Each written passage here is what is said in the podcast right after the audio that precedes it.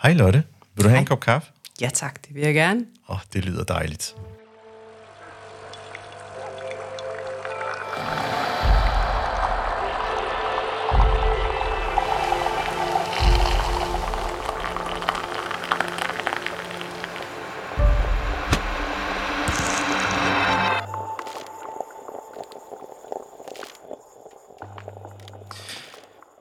Velkommen til podcastprogrammet Kaffe og Ledelse. Jeg hedder Ejhan Gomes, stifter af Mindcloud og er jeres podcastvært. Inden vi går i gang med selve afsnittet, så vil jeg gerne række ud til hver en af jer og sige tusind tak for den varme modtagelse til det her podcastprogram. Det varmer, at flere tænker det samme som jeg, at vi skal stille lidt skarpere på ledelsesrummet og mennesket bag lederen. De unge bringer energi, passion og faglige kompetencer med sig ind på arbejdspladsen. De besidder en stor virkeløst, hvis man forstår at lede dem rigtigt. Men hvordan leder man så de unge rigtigt? Den udfordring, mange ledere oplever ved den nye generation, er, at de er meget ledelsestunge. Hvorfor kan det være, og kan de klassiske ledelsesgreb ikke fagne de unge? Kampen om de unge medarbejdere er startet og bliver kun skærpet fremover.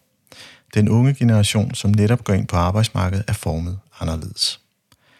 De kaldes generation Z eller boosters, og har nogle andre forventninger til en arbejdsplads end tidligere generationer. Det stiller andre krav til virksomheden og derfor også til lederen end bare for fem år siden. Hvilke transitioner bør en organisation gennemføre for at kunne rumme den nye generation? Og er der tale om personlig omstilling for lederen? Jeg tænkte, hvor i samfundet har vi et stort rekrutteringsbehov, der netop taler ind til det her med at rekruttere nye, unge, nyuddannede. I sundhedssystemet sker der netop et skifte af mandskab til yngre generationer, og det er en stor efterspørgsel på netop sundhedspersonalet. Det gør opgaven omkring rekruttering meget betændt, og organisationer må være i vildrede omkring, hvilke skridt der bør tages. Det er i hvert fald nogle af de antagelser, jeg har taget med til vores samtale i dette afsnit. Min gæst er Lotte Gebhardt Ørsted, der er chef sygeplejerske i afdelingen for plast- og brystkirurgi på Sjællands Universitet Hospital i Roskilde. Afdelingen består af forskellige faggrupper for læger, forskere, sekretærer, socioassistenter og selvfølgelig også sygeplejersker. Øh, Lotte er forholdsvis ny i stilling og har tidligere været oversygeplejerske i seks år på Gentofte Hospital. Velkommen til, Lotte. Mange tak. Det var et meget langt navn for Ja. det, er i hvert fald før mødet kaldt for Roskilde Hospital. Ja, ja. Og sådan er det jo med ting, der fusionerer og centralisering. Så sker der jo det, at de bliver store og lange titler for os alle sammen, og for også for virksomhederne jo. Skal vi ikke lige starte med den kaffe, vi har fået? Jo. Hvad er det for en? De er simpelthen afdelingens bedste kaffe fra Frelsen Resteri, som ligger i Roskilde. Uh, ja, sådan lokalt. Ja, Øh, det er det, og de har også været igennem mange transitioner som organisation. De har også startet på chokoladedelen, så vidt jeg husker, og nu er dannet, eller er, jeg ved ikke, om de også laver chokolade. Det tror jeg faktisk, de gør. Øh, men de rester kaffe, og det nyder vi godt af her på Roskilde.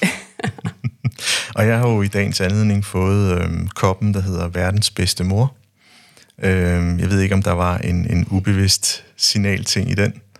Jeg stod faktisk med kopperne, inden du kom og kiggede. Har jeg dog ikke noget, der er generelt og neutralt? Det har jeg ikke, men på den anden side, så tænker jeg også, at det er også meget visuelt på, hvordan vores øh, arbejdsliv og privatliv jo fusionerer sammen mm. en gang imellem, og ja, i forskellige situationer. Og hvor sidder vi hen, Lotte? Vi sidder på mit kontor. Mm. Øh, et øh, fint kontor, synes jeg selv. Meget sådan rekt, akt, antul, hvad hedder det? Ah, firkantet, hedder det. øhm, og øh, det har jeg faktisk øh, det har jeg indrettet selv, og jeg er begyndt at tage hånd om det, fordi at jeg ikke lige... Øh, jeg synes, det skulle have en, øh, hvad hedder sådan en facelift. Så derfor så sidder vi og kigger på, vi sidder og kigger på strande, vi sidder og kigger på skibe, vi sidder og kigger på noget grønt. Mm. Så det er, det er, det er blevet ret godt, synes jeg. Jeg er ikke færdig, men det er blevet godt. Nej, øh, der er to ting, jeg lagde mærke til. Det var selve den her Explorer, som du har, Ja, øh, som jeg egentlig godt kan lide. Den, den, den drager. ja, Øh, og så det andet, jeg lige så, det var din opskrift på, din opskrift på, på ledelse, Ja. som egentlig er meget enkel. Øh, man skal sørge for, som, øh, hvad, hvad står der? Man skal sørge for, at medarbejderne får succes, så får man den også selv. ja. Hvorfor har du, hvorfor har du den hængende? Ja, og det er faktisk ikke engang noget, jeg, uh, det er faktisk ikke engang noget, jeg selv har valgt. Det er faktisk en gave, jeg har fået fra en uh, tidligere medarbejder, som syntes, at det rammede mig som leder ind. Og altså, det kan jo ikke være større, end man som leder uh, modtager sådan en anerkendelse, og endda, om jeg så må sige, en uh, rammesætning på den måde, man bliver opfattet på. Ja. Så den har jeg taget med mig, og det er simpelthen for at minde mig om, hvem jeg er sat i verden for at bane vejen for. Og det er i hvert fald noget, som jeg holder op for mig en gang imellem, når jeg måske lige får for store tænkehatte på. hvem, hvem, er det, hvem er det, vi skal, jeg som leder har min største mission er, og den største ressource i min mm. organisation er jo medarbejderne. Ja, lige præcis. Så... Med den skal vi så ikke tage en slurk af din jo. fine kaffe? Jo, lad os det.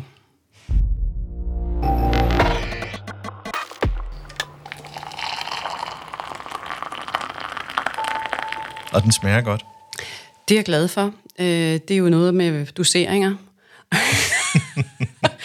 Det skal man jo lige lære, når man får en ny kaffe ind ad døren, og hvordan tingene skal doseres, og øh, hvordan øh, den rette mængde skal være. Og det er jo, synes jeg, også meget symbolsk for det, vi skal snakke om mm. med de unge, de unge, smukke mennesker. Ja, fordi den, den umiddelbare tanke, jeg lige fik med det samme, fordi det er jo dagens emne i dag, det er jo at kigge lidt på de unge og ja. deres indtone til, til, til, på, på arbejdsmarkedet. Men, men drikker de unge også kaffe? I hvert fald nogle af dem, jeg har siddet sammen med her i afdelingen. Nu er jeg jo så relativt ny, men jeg har da kastet mig ned og siddet ved siden af dem og kigget på, hvad, hvad siger de, og hvad drikker de, hvad spiser de. Øh, men allermest bliver jeg jo mest optaget af, hvad de er optaget af. Mm. Øh, og det er jo også en, øh, en måde for mig at komme øh, dem nærmere. Øh, og det er også meget vigtigt for mig som leder. Øh, at komme ud og se maskinrummet, og øh, se, hvad det er for nogle processer, der foregår. Men ikke mindst, hvordan øh, de unge mennesker også oplever de her processer. Mm. Øh, og det fortæller jo noget om, hvor det er, mine indsatser skal være. Ja, for den afdeling, som, som du er chefsygeplejerske for, som jeg kunne forstå, så var der omkring 100 mennesker. Ja. ja. Det er alligevel en chat. Det er det, og så bliver det alligevel betegnet som en af de små. Og det er jo også, øh, hvad kan man sige, tankevækkende. Der kan vi, så kan vi få lange diskussioner og samtaler omkring, hvad er ledelsespændet, øh, hvor stort det ene og stort det andet skal være. Men øh, for mig er det jo en perfekt mulighed, og jeg ser det også som en øh, kæmpe styrke. Der er ikke langt fra top til bund, og det skal der heller ikke være. Mm. Øh, fordi vi er jo afhængige af, at det skal gå hurtigt. Beslutninger skal kunne tages hurtigt. Vi skal have den her agilitet ind i vores øh, organisation i forhold til at imødekomme det, vi skal. Mm. Og også fremadrettet jo, ikke? Det er i hvert fald mange af de ting, altså det, der popper en masse spørgsmål op hos yeah. mig i hvert fald. Yeah. Øh, yeah. Lotte, hvad er du mest optaget af, når vi taler om de unge? Øh, om det er sygeplejersker eller sosuer? Hvad, hvad, hvad, hvad rører sig mest hos dig i forbindelse med, med det? Altså, jeg kan jo starte med der, hvor jeg øh, selv har fundet størst frustration. Mm. Det tænker jeg er et meget godt udgangspunkt, fordi øh, de unge mennesker i dag, de er, altså, vi kan, jo ikke, vi kan jo ikke se på de unge mennesker i dag, uden at se på den kontekst, som har formet dem, og som vi selv har været med til at forme, og som vi måske også som forældre, jeg er også mor. Jeg har, er mor til en 20-årig ung mand, og jeg er også mor til en 14-årig pige.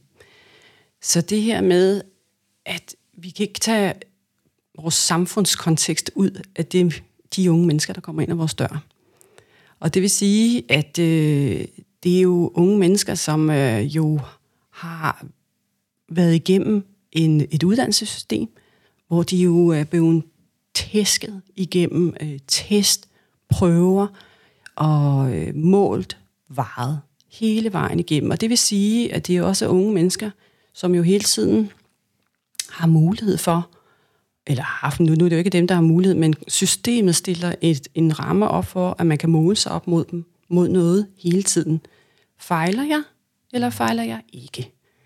Og øh, den her med, og det var, faktisk, det var faktisk noget af det, jeg sad sådan og, og fordybede mig lidt i, da du øh, gav mig muligheden for at sidde og, og snakke øh, derude i dag, det er det her med, jamen, hvis man er blevet målt og varet gennem hele sin dannelsesrejse, og man har fået hurtigt øh, likes det kan vi jo sige. Mm. De har jo tusind rum, de kan præstere i og få likes. Så står vi jo som arbejdsplads og skal modtage dem, og er vi gearet til at stille samme rum? Og det er der, hvor jeg ser, at man sådan organisatorisk faktisk skal begynde at tænke lidt anderledes. Fordi jeg, og det, der må jeg jo ærligt indrømme, at jeg har også øh, været en af dem, som øh, har siddet, og jeg har været dybt frustreret over de øh, følelser og settings, jeg har blevet mødt med, med unge mennesker, som kommer ind og så øh, sidder tilbage med følelsen af afmagt, magtesløshed. Hvad gør jeg for at samle op på det her? Og samtidig også sidde med en form for forsvar, der hed, ja, de kommer ikke ud fra det værksted, stålværksted, ligesom mig, ligesom dengang. Og det er fuldstændig rigtigt, det gør de jo ikke, for det er en ny generation, som har haft nogle helt andre muligheder, end jeg har haft. Og de har jo i den grad øh, blevet, øh, altså de er jo hammerende godt uddannet. Det er de jo. Og det skal vi bare huske, at øh, mulighedernes land har været anderledes for dem. Og det skal vi også have respekt for, når de kommer ind ad døren. Hvis vi tager det med likene. Ja. Øh, så, så er det jo en af definitionerne på, på, på den her generation, det er jo, at de er digitalt indfødt. Ja. Øh, og, og, og i, i like, det er jo sådan, der ligger jo utrolig meget det her med at se mig, så jeg kan blive ja. anerkendt, og den like ja. er, har måske en lidt større betydning, det er i hvert fald min egen antagelse, mm. end måske de, de voksne rækker. Øh, mm. Det ved jeg ikke, det kan godt være, at jeg tager fejl her. Øh, er der så også brug for, at de unge mennesker skal anerkendes meget mere på, på arbejdet? Altså med det, de gør, og det, de... Øh... Altså, jeg, jeg har ikke en personlig oplevelse af, at jeg har skulle øh, like dem mere, altså anerkendt mere, eller jeg, jeg er ikke helt sikker på, hvor jeg skal lægge mig i det der. Men det, som har, har ramt mig, det er, og der kan vi jo så snakke om, hvad er det for nogle ledelsestile man øh, skal være opmærksom på, og som jeg mener, der man som leder skal træne sig i det, og, og, og, og faktisk også give ret meget opmærksomhed at det er øh, at blive rigtig god til at realitetsteste de unge.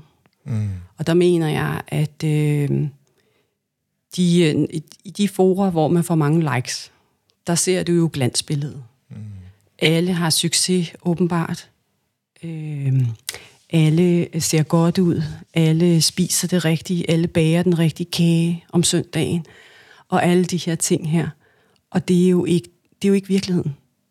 Og øhm, når man har en kultur, der kommer ind ad døren, og er på den måde boostet i, at øh, du kan alt, bare du lægger dig i scenen, mm.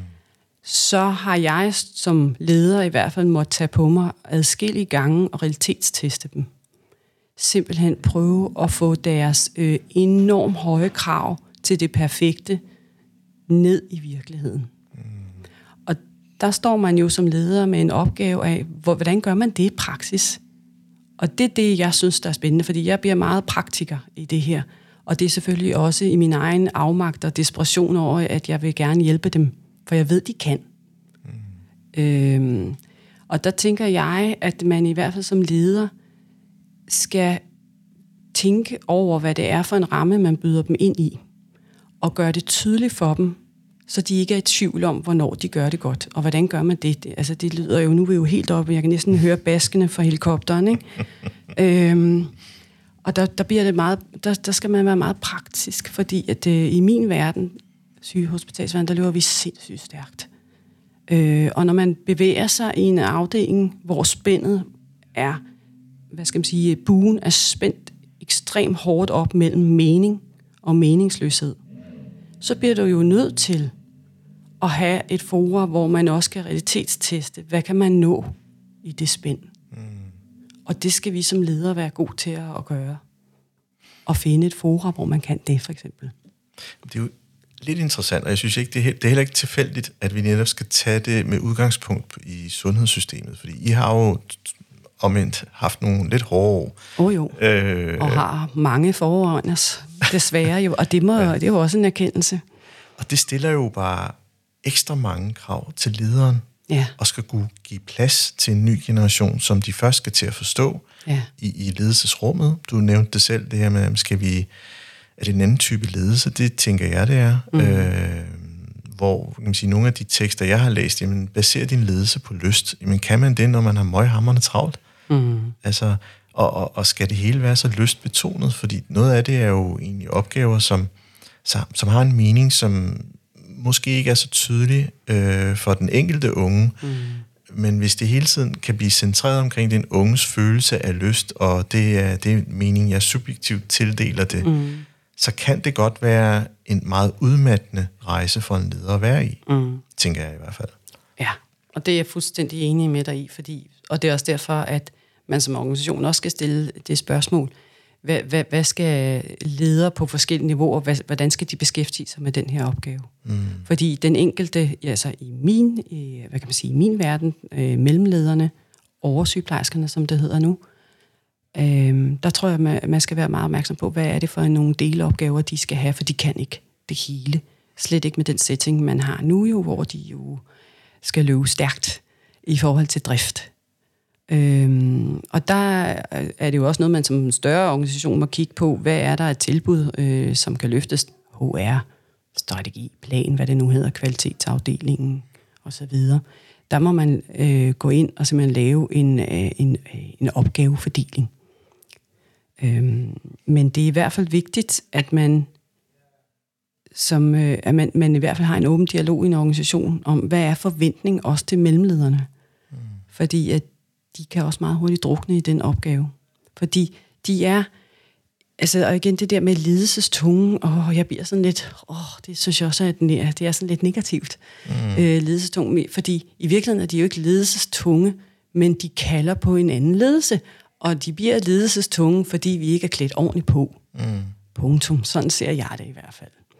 Og, der, og jeg har ikke alle greb øh, tilbage. Der er, jeg, jeg vil sige sådan, at selve det at tage de unge ind i en virksomhed, ser jeg som, øh, ja, i mangel bedre, så bruger vi det, det vilde problem. Det ved vi jo godt. Altså et vilde problem har ingen grænser. Det er udefinerbart nærmest. Og der findes heller ikke enkelte løsninger. Så det er sådan multifaktuelt, man skal have en tilgang. Det er ikke kun én ting, man skal gå til det.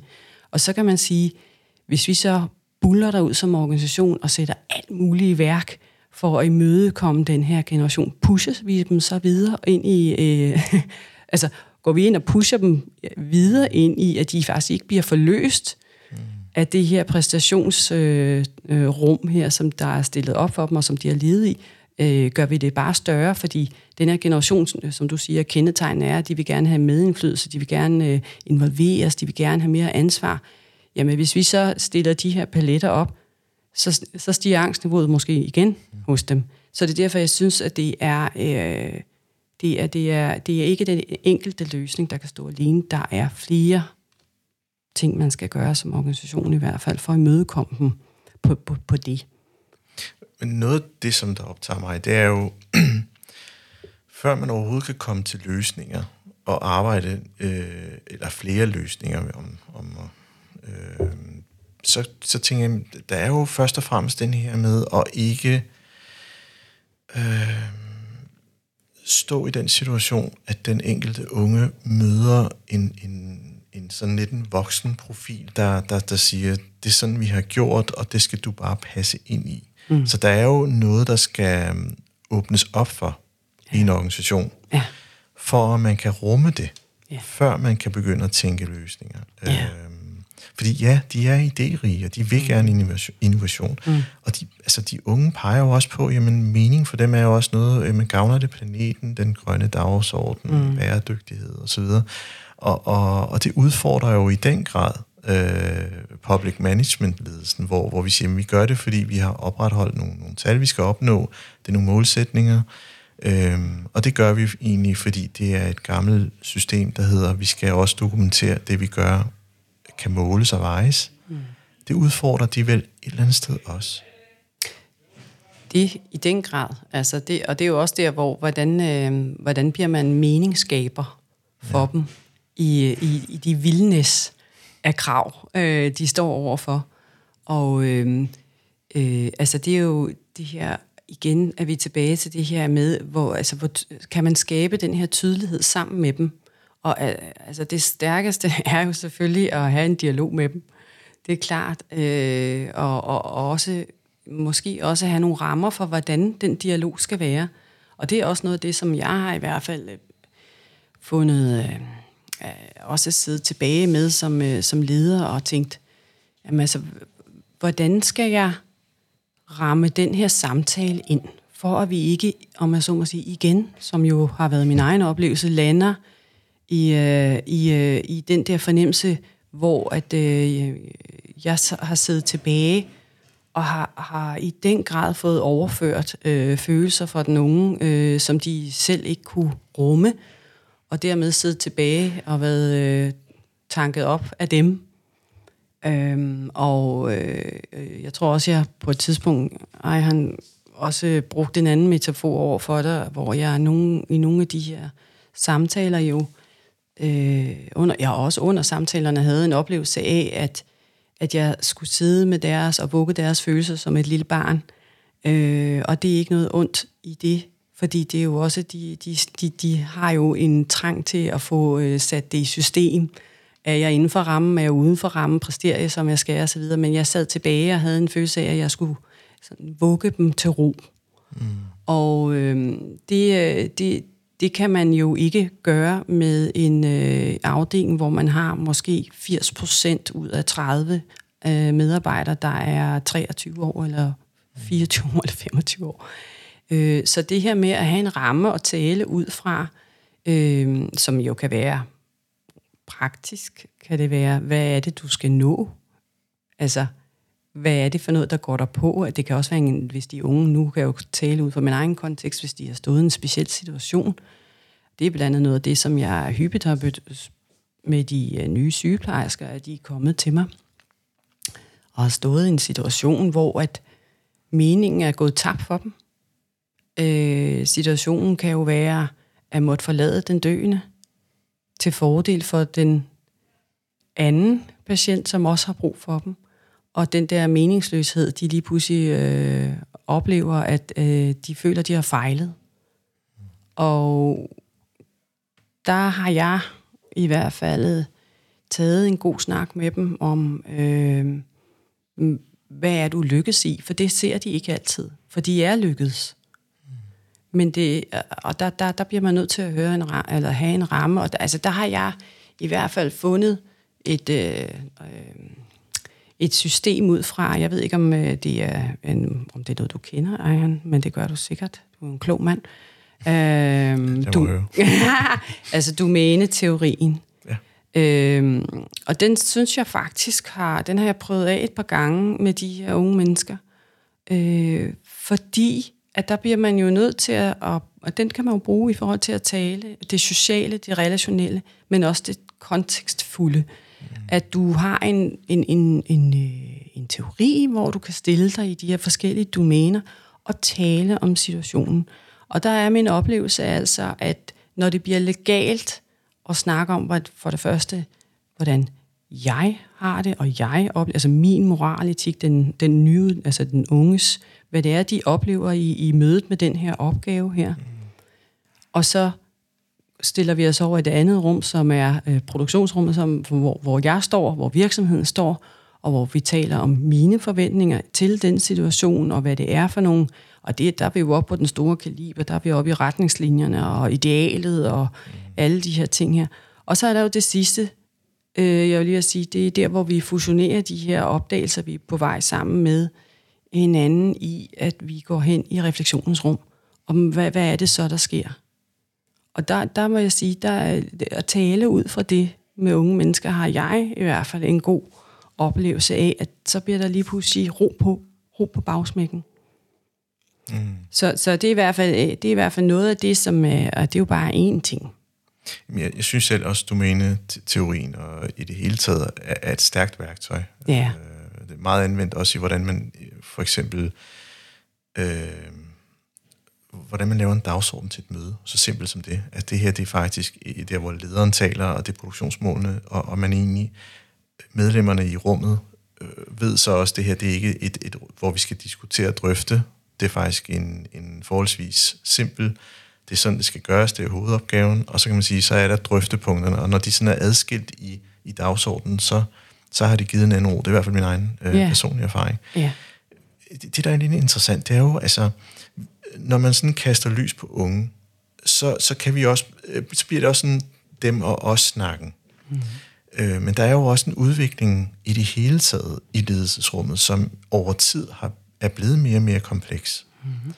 Øh, og hvis vi ikke havde generationsdefinitionen, og det egentlig bare var, som det egentlig plejer at være, så tænker jeg, at, at så vil det også langt hen ad vejen, være, øh, at, at vi, vi har brug for at have noget fokus på, på det her med at måske kompleksitetsreducere lidt mere, fordi rummet er blevet et mix af så mange andre faktorer.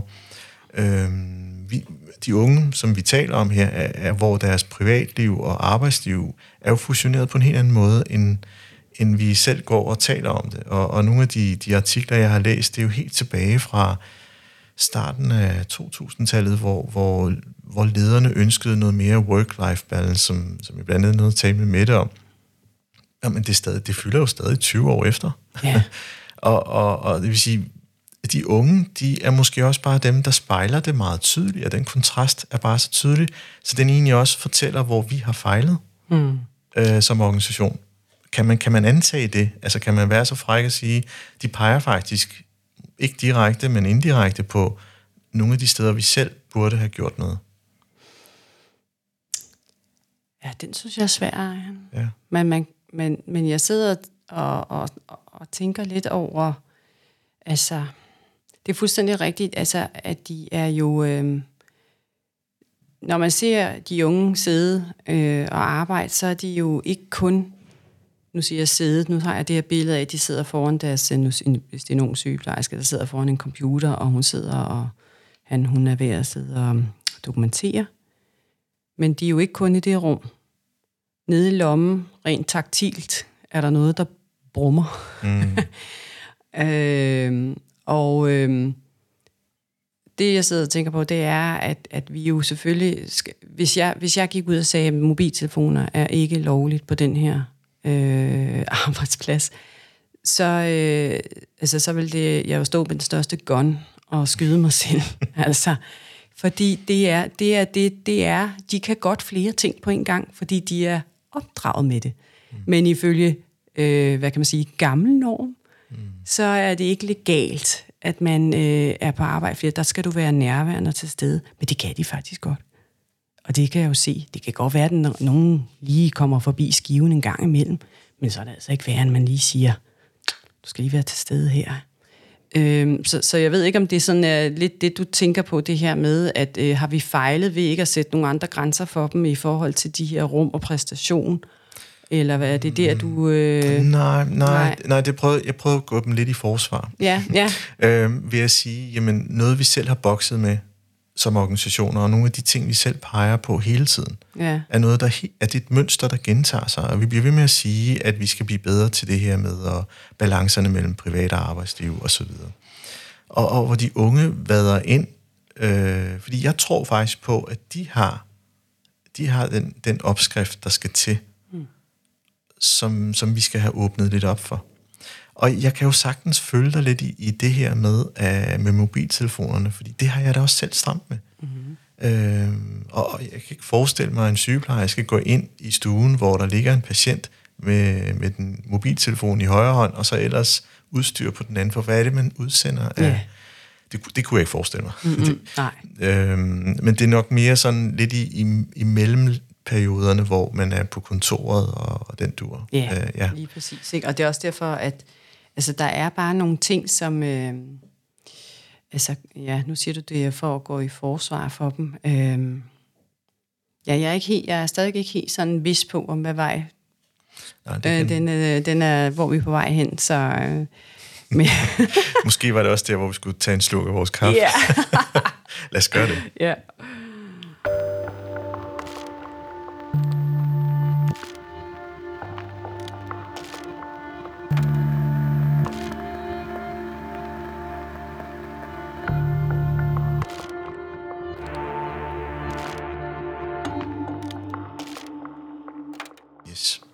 Det er altså en stadig en god kaffe.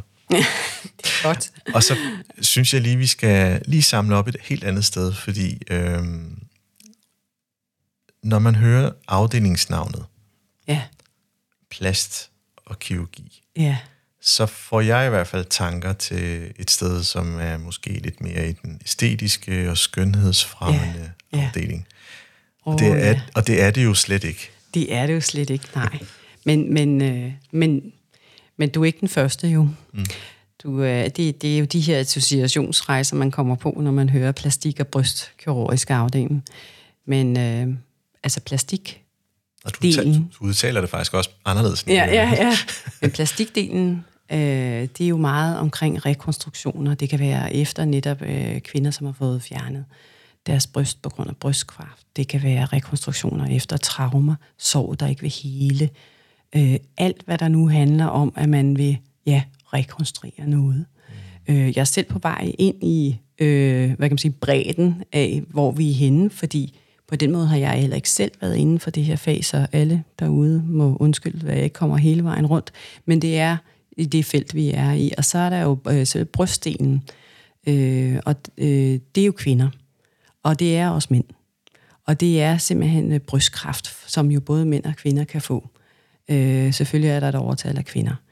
Øh, og der handler det jo selvfølgelig om, at øh, vi undersøger de her kvinder her, og de får øh, undersøgt, øh, hvad er det, der sker i dit bryst? Er det kræft eller er det ikke kræft? Hvad kan vi tilbyde mm. af behandling? Øh, en afdeling med, vil jeg sige, sindssygt høj meningsskabelse. Og det, og, og, og det er ikke, fordi andre ikke har sindssygt høj, men det, der er så særligt ved det her, det er jo, at vi kan øh, have folk, der kommer ind med kraft, og de kan gå hjem senere i forløbet uden kraft. Mm. At vi kan gøre dem raske. Nu er der rigtig gode resultater jo på brystkræft, heldigvis. Øhm, og det synes jeg jo er el- enormt tilfredsstillende. Altså, og det øh, mærker jeg tydeligt også på personalet, at det her med, at man, altså, at man kan faktisk øh, redde nogen, hvis vi kan snakke en helt stor kaliber.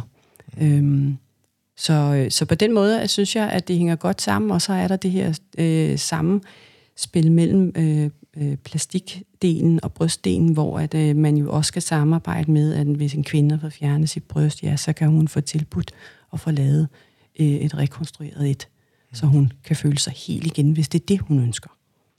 Jeg synes, det var vigtigt at lige få den del med. Ja. Så hvis der var flere, der havde den tanke, så, Ja, så fik vi i hvert fald den på plads nu. ja, ja det var også en lang en. ja, nå, men det er helt okay. Og Lotte, jeg synes også et eller andet sted, altså nu, nu øh, jeg, jeg er lidt i tankeproces om, om nogle af de ting, jeg selv sagde, fordi mm. det er jo også øh, nyt for mig, og, den, mm. den, og jeg har jo selv været leder for, for unge mennesker, og, og når, også når jeg er ude og supervisere ledere, så, så er det, at der er en følelse af magtesløshed, fordi det der følelsesrum fylder og fylder og fylder.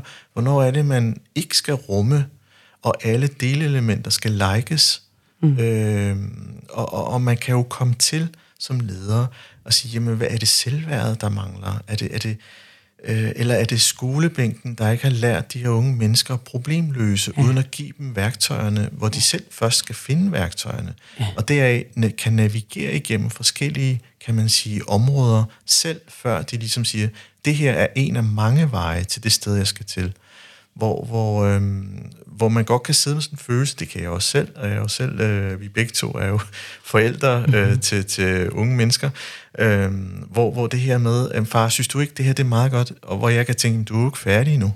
altså, hvor, altså, hvorfor skal du have et like nu på det? Mm. Og hvis man sådan overfører det til, til, til en arbejdsplads, mm. så kan det også føles udmattende. Mm. Øh, både for lederen, men måske også for, for nogle af de eksisterende medarbejdere, som også tænker, hvorfor får det, for, hvorfor får det så meget plads? Ja. Og øh, hvorfor det får meget plads, det kan jeg ikke lige svare på, men jeg kan i hvert fald en meget genkendelse til det her med, øh, jeg ved ikke, altså jeg synes også, det vil være lidt hårdt at sige, at følelsernes indtog er blevet større, øh, men, men, men det er det måske. Altså det kan jo også være, at det er en erkendelse, at øh, følelser på arbejdspladsen er blevet mere legalt. At det er faktisk en er, erkendelse, vi er på vej ind i, vi er inde i en revolution. Nu er vi ikke mere et, øh, altså et regelsamfund, hvor vi skal stille os selv ude ved døren, øh, når vi går ind på arbejdspladsen. Nu må vi godt have os hele med. Og hvordan arbejder man så i en organisation med at fritstille følelserne, om jeg så må sige? Mm. Fordi du bliver jo også nødt til, både som medarbejder, nyuddannet, ung menneske, at lære at tage ansvar for dine følelser. Og det er måske lige det spænd, jeg kan se, man også som øh, leder skal ind og supportere nogle gange. Og der mener jeg jo også det her med igen, at jeg har stødt på de situationer, hvor at jeg sammen med den unge altså, snakker om, hvad det er, der er på spil. Men at øh, de har måske givet mig en portfølje af alle mulige følelser, og hvor jeg har måttet tage dem med på den øh, erkendelsesrejse, at der er faktisk ikke noget af det, der er sagt, som ikke er normalt. Mm.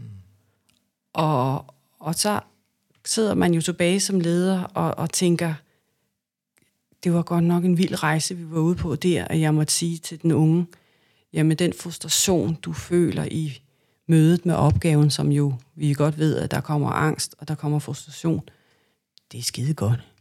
Mm. Og så sidder de og kigger på mig, som om jeg er skudt i hovedet. Øhm, men det er godt, du er frustreret. Og nogle gange har jeg endda også sagt, du er lige så frustreret, som jeg gerne vil have, du er. Fordi så er du lige præcis på det sted, hvor du skal springe ud fra. Mm. Så det er helt normalt, den følelse. Men det er nogle gange den her øh, oplevelse af, at de øh, unge mennesker godt, eller ja, de unge mennesker, jeg har siddet med, at de har behov for at kaste af sig. Mm. Hvem griber mig, når jeg har det sådan her? Mm. Og det vil jeg sige, det, det kunne godt være jo en ny ledelsesopgave, øh, øh, men er den rimelig? Er det rimeligt, at man som leder skal sidde og tage den opgave? Hmm. Og fordi det, det kan jo være en kort rejse som leder. Ja. Hvis man tager alt det... det Præcis. Der er jo det der fine udtryk med at være skraldespand. Ja, ja. Og den, den skal jo også tømmes sin gang imellem. Ikke? Ja, lige præcis. Så, så, og det er også derfor, at, at, at jeg så har jo været enormt optaget af, at det, fordi altså, uh, in the end of the day, hvis du sidder med så mange uh, samtaler som leder, det kan du ikke holde til. Øh, så, så hvad er det så for et system, man skal bygge op for at, øh, at imødekomme de her øh, ting, der sker, de her processer, øh, unge mennesker, som jeg, og jeg, øh, og jeg må jo sige med al respekt, det er jo talt fuldstændig ud for min virkelighed.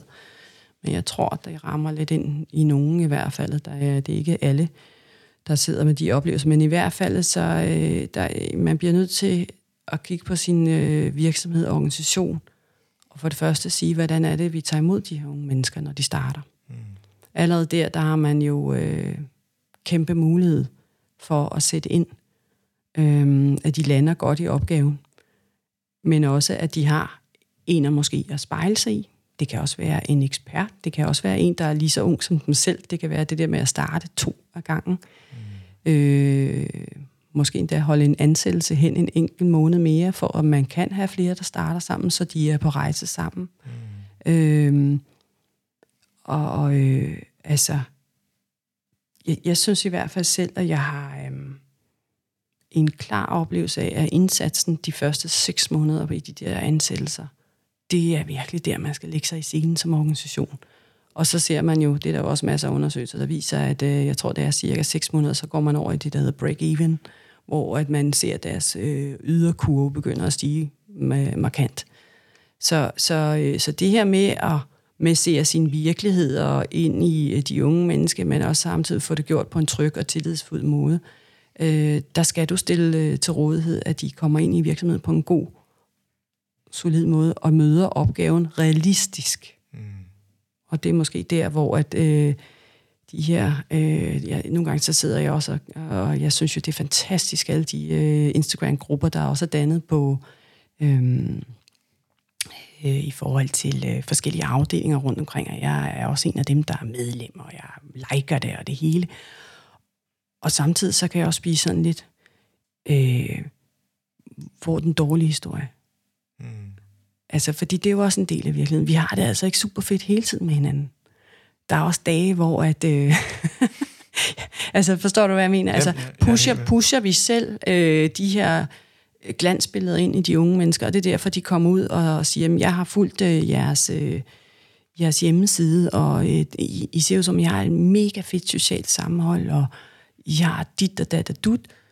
Og ved siden af det, det kan også godt være, at vi har det, men ved siden af det er der også en virkelighed, der hedder patienter og rå følelser, eller borger og rå følelser. Øh, det skal man også kunne. Mm. Så, så, øh, så igen lander jeg på det her med, at, øh, at være virkelig straight på de, øh, den første tid, hvad det er, man stiller op til som organisation. Hele den der onboarding-samtale, mm. som er mm. utrolig vigtig, og som også er skræddersyet til netop den nye, yeah. den nye unge generation. Yeah. Fordi vi kan jo ikke ignorere det. Nej. Man kan jo sige, øh, der er jo brug for sygeplejersker og sundheds, social- og sundhedshjælpere, som de hedder. Ja. Assistenter, tror jeg det faktisk. Ja. Eller det hele taget sundhedspersonale. Jeg tror også hos socialrådgiverne, om ja. det er pædagoger eller andet. Ja. Øhm, Vi har brug for alle. Ja. Og, og øh, mængden af dem, der ansøger, er jo også faldet. Det er jo også noget, der fylder i medierne i øjeblikket, ja. at, det, at det er faktisk øh, overraskende, at der er så mange, der, der, der ikke vælger de her fag.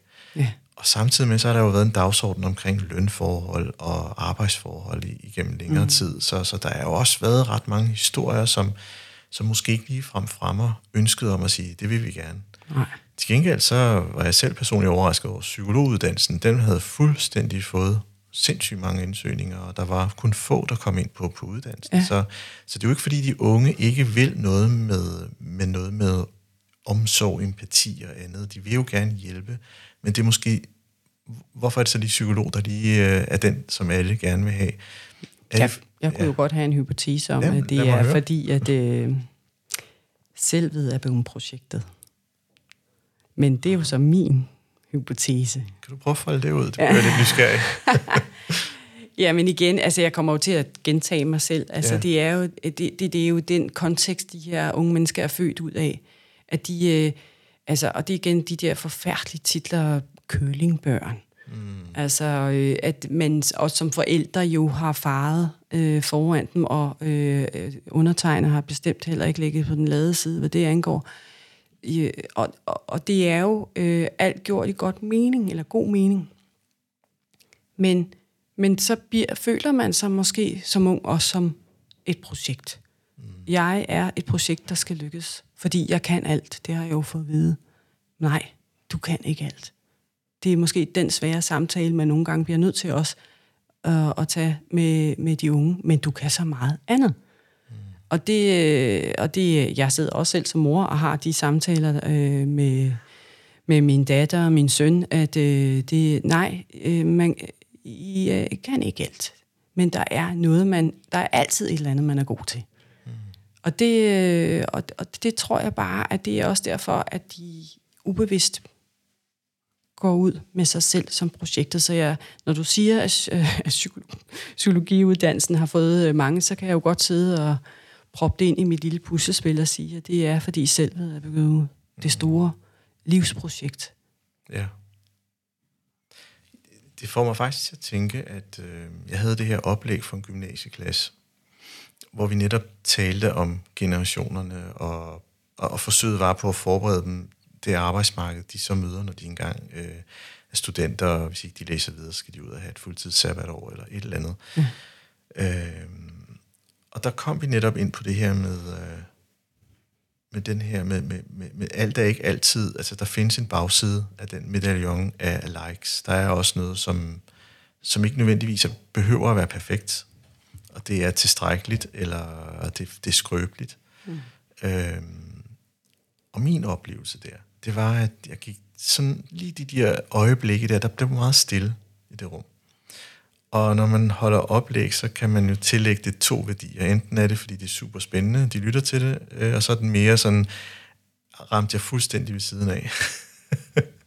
så, og, og skeptikeren i mig tænker på, jeg givet videre, om jeg har ramt ved siden af her. Og det, som jeg gik derfra med, det var, vi kan godt forholde os til følelser, men ikke subjektivt med sit indre jeg, men mere om rummet og sindstilstanden, der var. Altså også beskrivelserne handler meget om, øhm, rummet var sådan her, da jeg gik ind i det, men i, og i mindre grad, hvad jeg følte, hvad det gjorde ved mig. Mm. Det var meget mere tabulagt. Og det er lidt interessant, fordi bliver, det, bliver det en metasnak om følelser, når de så kommer på arbejdspladsen og taler om... Øh, øh, jeg synes, den her arbejdsopgave er fuldstændig forvirret. Øh, jeg, kan ikke, mm. jeg kan ikke rumme den. Og, og, og vi tager som ledere ordene meget faktuelle, og måske er der en bagvedliggende årsag, som øh, stikker meget dybere, end vi kan løse på en arbejdsplads. Ja.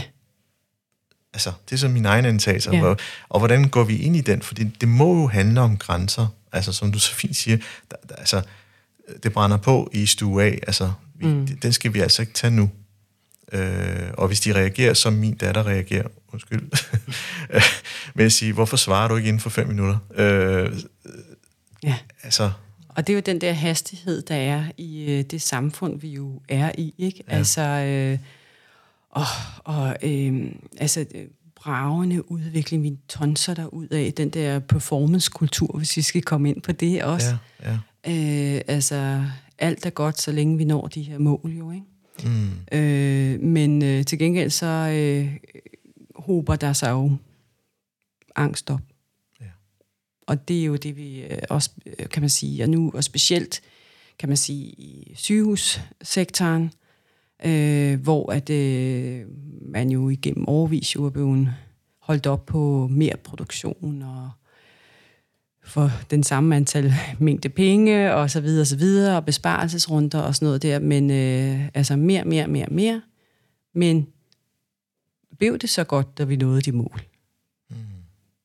Hvis man tænker på menneskene. Ja. Eller, eller står vi nu øh, med det højeste niveau af angst i vores organisationer, fordi at det er så grænseløst hele tiden. Mm. Der er ingen ende. Og det også, tænker jeg også, at det er også noget af det, som, øh, nu er det ikke kun de unge, men måske især de unge, det er den grænseløse opgave. Hvornår har jeg gjort det godt nok?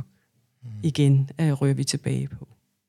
Og det er der, hvor at jeg tænker på, at det er en, øh, en, den her indre udfordring, som du jo også selv øh, peger på. Ikke? Og kan vi som øh, organisation hjælpe dem med det? Jo, til en vis grænse. Øh, og, og, og man kan sige, øh, det er også derfor, at det jo ikke det er et, et samfundsproblem, som jeg også ser det, eller ikke nu, nej, nu så jeg et problem, det, det vil jeg faktisk godt, øh, det er forkert at sige, men det er, et, det er jo et samfundsvilkår, Ja. vi har dannet, eller der er blevet dannet. Øh, fordi vi jo har været i den her overbevisning om, at øh, det er, det, at det, det, det alt bliver godt, når vi når derhen. Problemet er jo bare, at når du jo hele tiden har den der angst i mødet med din opgave, fordi jeg ved ikke, om hvornår den er slut, så bliver du jo overfladisk i dine øh, relationer til andre, og du vender dig væk fra kerneopgaven. Mm. Og det er jo også virkelig et problem, hvis det, det hober sig op. Så hvad er det så, man som leder skal gøre for, at man ikke står tilbage som, med, med, altså som medarbejder? Øhm, skal vi være tydeligere? Kan vi være tydeligere? Kan vi sammen blive tydeligere? Mm. Øh, og det er jo også nogle af de ting, som, øh, som jeg bestemt også går og tumler med. Ikke? Og måske også mere simpelt. Mm. Øh, skal det sådan til? Øh, sådan min umiddelbare bud. Øh, vi, vi, altså jeg tror, både hele den, den her digitale dagsorden, der er, at vi, vi er online, og vi er meget mere, og det tingene går stærkt. Jeg kan godt lide dit udtryk omkring det her det grænseløse samfund. At, at vi måske har en generation her, der faktisk gerne vil have sat grænserne, og, og det er simplificere, altså gøre det simpelt. Simplificere. Ja, den er det god kunne jeg ikke sige, ja. Nå ja. Øhm, fordi, altså det her med, med altså, vi, en, et strategibrev, hvor, hvor øhm, i år skal vi gøre det 10% bedre, end vi gjorde det sidste år. Mm. Og hvis man sådan har en ung, eller i hvert fald tænker 10% er mere af det, der ikke virker, øh, det kan jeg ikke forene mig med, fordi det betyder bare, at vi så skal arbejde sådan, sådan, sådan, og det er måske ikke budet. Så, der, så, så, så måske er det også, at den unge generation tror jeg, vi, vi, vi ønsker faktisk, at de talte noget mere til os, men er måske tilbageholdende for at gøre det, fordi de, de er lidt bange for at komme skævt afsted. Og det kan jo godt være den her perfekthedskultur, at øh, jeg vil ikke fejle. Mm. Og, men, men faktisk så tror jeg, at de peger på noget, som er så anderledes, at hele vores strategitænkning bliver udfordret. Ja. Det tror jeg også, at, at det kan jo sagtens være et scenarie, der kunne udspille sig, og der, så, så kan jeg mærke, at jeg vender tilbage til øh, lederen.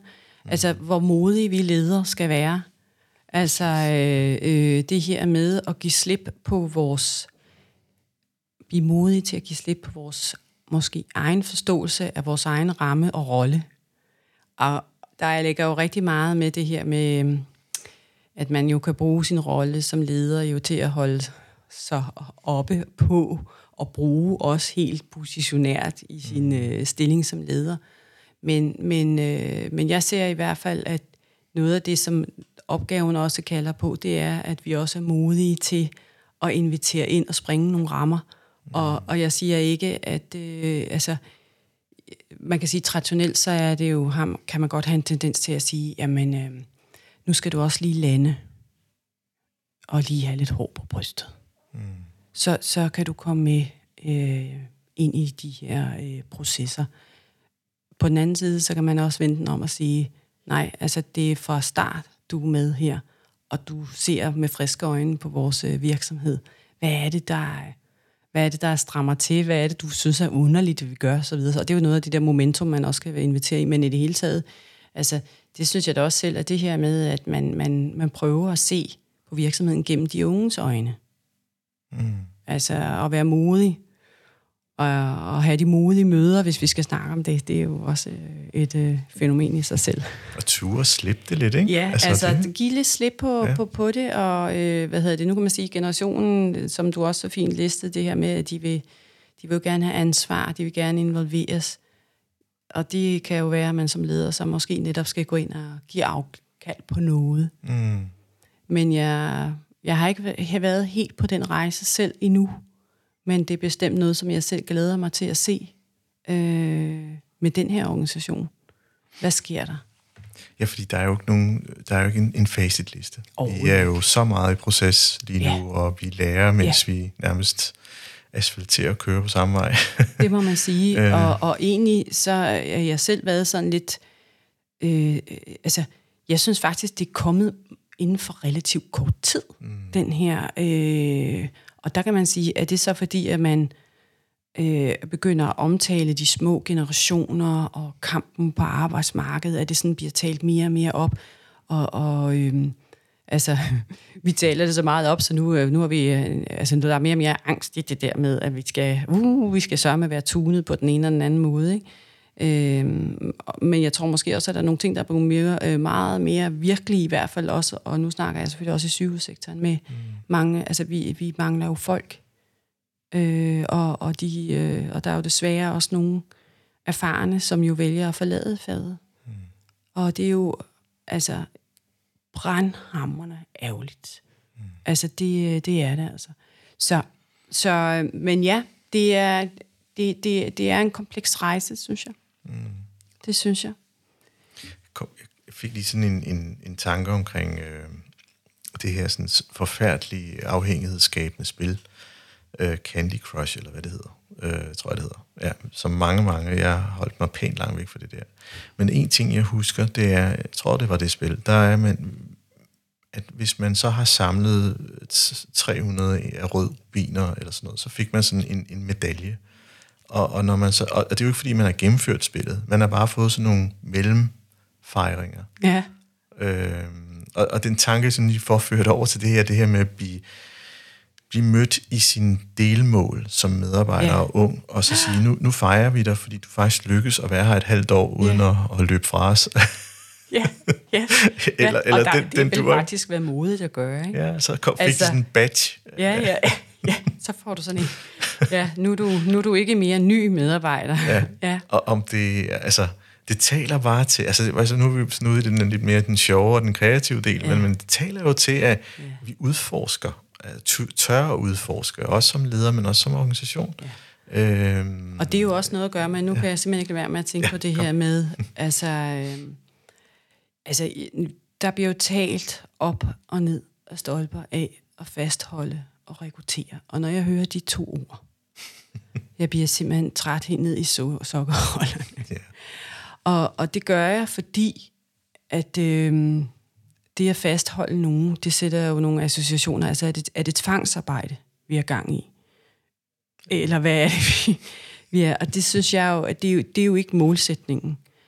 I stedet for, så, så øh, kan jeg mærke i hvert fald, at jeg begynder at arbejde med, at vi skal ikke øh, fastholde mennesker, men vi skal frigøre mennesker.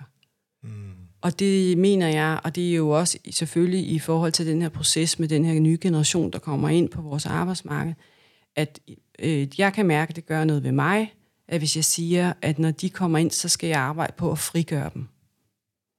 Så, så sætter det nogle associationer i gang med, at det vil sige, at jeg anerkender også, at der kommer et potentielt, eller en potentiale menneske ind ad døren, som har nogle erfaringer med sig, noget vi skal bygge videre på. De kommer jo ikke som blank sheet ind ad døren. Mm.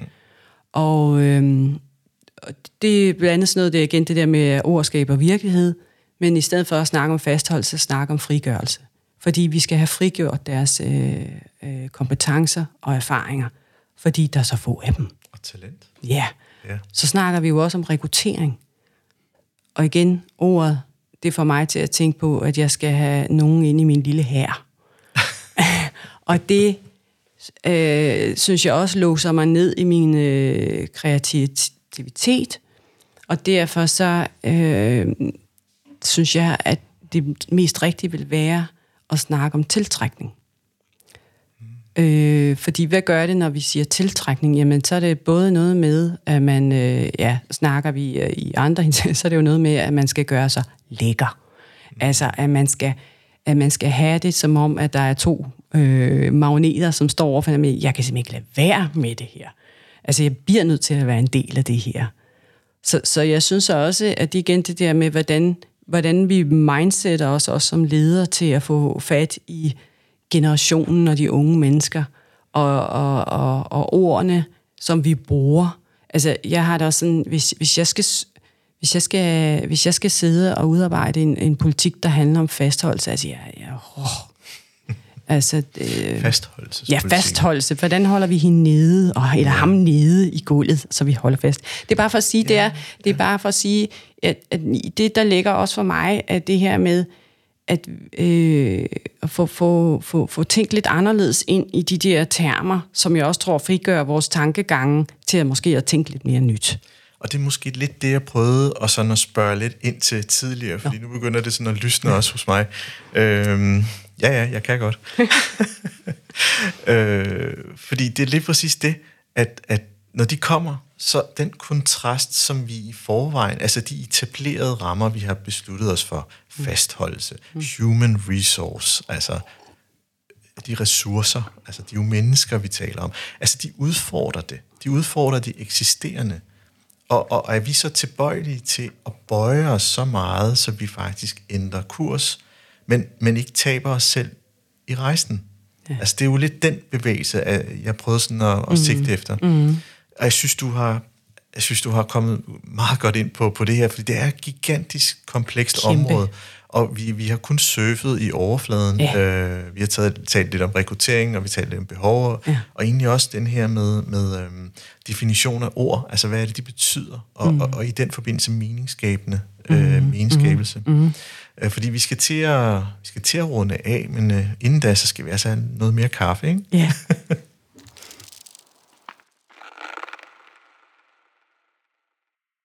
men som traditionen tror i de her programmer, så skal vi også lige kaste lidt lys på dig. Ja. Øh, ja. Personen bag chef øh, sygeplejersken. Ja. Øh, ja, jeg skal stadig lige vende mig til det, må jeg sige. Ja. Altså, det er... Det har jeg jo også... Øh, det er ikke så lang tid siden, jeg har sat mig i den stol. Og gik fra øh, oversygeplejerske til chefsygeplejerske. Og jeg er jo selv på den rejse. Mm. Øhm, og det... Øh, øh, sådan et karaktertræk, eller hvad man kan sige, det er, jeg vil gerne øh, komme til tingene forberedt. Det er også derfor, jeg, som du lige har nævnt, at jeg sidder med nogle sider her ved siden af mig. Og det vil jeg jo også gerne gøre til den rolle her, men øh, det har været specielt at finde ud af, at det er ikke alt, man kan læse sig til, når man går fra, fra det ene stadie til det andet. Så, så øh, jeg er også, og det jeg har også været i forbindelse med det her emne, jo faktisk også givet mig nogle erkendelser. Mm. Så det har faktisk været lidt sjovt at stå og være ny, og så tænkte, okay, det er det, de snakker om også. Men jeg møder jo virkeligheden med min mange, mange års erfaring. Jeg er ikke så gammel, husk lige det. Men mm. øh, hvad hedder det? Øh, men, øh, Men i hvert fald, at det, det har, jeg er jo selv på en rejse med udvikling, og det synes jeg også har været rigtig spændende. Så, øhm, så, så, så, så mig, ja, i, i transition, vil jeg sige, og det er jo også det, de unge mennesker, de er, mm. når de kommer ind på vores arbejdspladser. Og hvad er det, der... Og det har også gjort, at det har været lidt sjovt at, at, at se igennem en ny organisation, hvor, hvor er det, jeg er blevet øh, understøttet, eller hvor er det, der er noget, der er faldet mellem stolene. Mm. Og det, øh, det, er jo, det er jo også godt. er der noget sådan særligt, øh,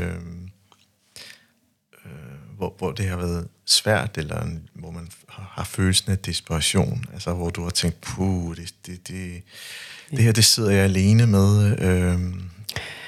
Altså, det som, noget af det, som jeg har fået bekræftet, øh, det er, og, øh, og nu hvis vi vender tilbage til det her med onboarding af de, af de unge mennesker, det er, at ligesom det har været for mig, da jeg satte mig i stolen, at det er vigtigt, at man kommer i kontakt med kerneopgaven hurtigst muligt. Mm. Og man får en succes sammen med kerneopgaven. På samme måde har jeg også været i rejse, på samme måde er de unge mennesker også. Og det vil sige, at det at tage imod unge mennesker, at vi behøves måske ikke at koncentrere så meget om, at man skal, nu siger jeg livet, se uh, ambitionen for virksomheden med det samme. man behøves måske ikke at, og, øh, komme ned og have samtale med, ja, det ved jeg ikke, noget, der er langt fra øh, kerneopgaven, fordi det vigtige, det er, at man kommer ud og føler sig til nytte. Mm. At man giver virksomheden, eller patienten er det jo i det her tilfælde hos mig, at man bliver til nytte, at man føler sig til nytte, at man er ude og skabe mening meget hurtigt. Og det har jo været min rejse, for eksempel ind i min nye organisation, at øh, det er der, hvor jeg har mødt mest frustration hos mig selv. Det er, at jeg kom mig top-tunet, og har i den grad lagt mig i scenen for, at nu skal jeg øh, sætte mig i stolen og være til mening for en organisation. Og når man så bliver bremset, så, så, øh, så giver det anledning til frustration. Mm. Og det skal man selvfølgelig også kunne håndtere, øh, det er klart. Men jeg forestiller mig, at hvis man ikke har mine års erfaring, øh, og man som ung menneske, så, så, så, så genererer det også nogle flere andre følelser, som ligesom lægger sig på, som lag på lag. Så den, det er vigtige sætning med, glem øh, alle mulige øh, grafer og hvad ved jeg, ud og få fat i den kerneopgave. Og man kan jo starte i det helt små. Mm. Altså, øh, hvad hedder det, det kan både være som kontormedarbejder, som sygeplejerske, eller hvad det er. Det er nogle små opgaver, man sammen med sit personale kan definere, hvad er en god, succesfuld opgave at starte med. Jeg kan jo næsten høre paralleller mm. til en onboarding af en ung, og så en faktisk en erfaren leder, ja. som er ung i opgaven. Ja. Og det er, der kunne man jo sagtens... Øh, ja, det kunne man faktisk godt. Der, der, der er i hvert fald stærke, stærke ja, paralleller og det er egentlig bare for at sige, at øh, det eneste, der adskiller det, de to øh, parallelle universer, mm. Det er erfaringen. Ja. Øh, og, øh, og, altså, øh, og det er der, hvor jeg tænker, at øh, det, det, det har jeg, ikke fordi jeg ikke vidste det før, men øh, nu har jeg oplevet det på egen krop, og man kan sige, det bekræfter mig bare i, at det her med også, altså det er jo sådan noget så simpelt som at kigge på sine netop introprogrammer. Mm. Hvordan har vi sammensat det? Og der er jo nogle ting organisatorisk, man også skal kigge på i en hospitalsverden. Der kan man snilt få første uge til at gå med, at man skal have e-learning i øh, brand og øh, så, øh, blodsukkerapparatet og rand mig og alt muligt andet, som er super vigtigt. Super, super vigtigt. Der er slet ikke noget af det. Men den unge vil bare ud og være til mening og nytte. Så hvis der var noget, man kunne vente lidt med, så gør det. Jeg tænker, det skulle være det, vi afslutter med i dag. Ja. Lotte, tusind tak for en fed samtale. Og i lige måde.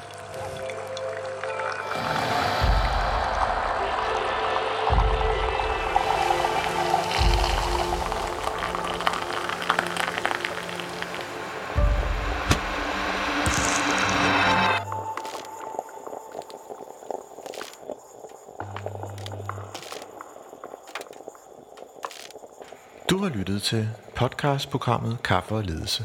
Ønsker du at lytte til flere afsnit? Gå ind på mindcloud.dk, hvor du har links til flere.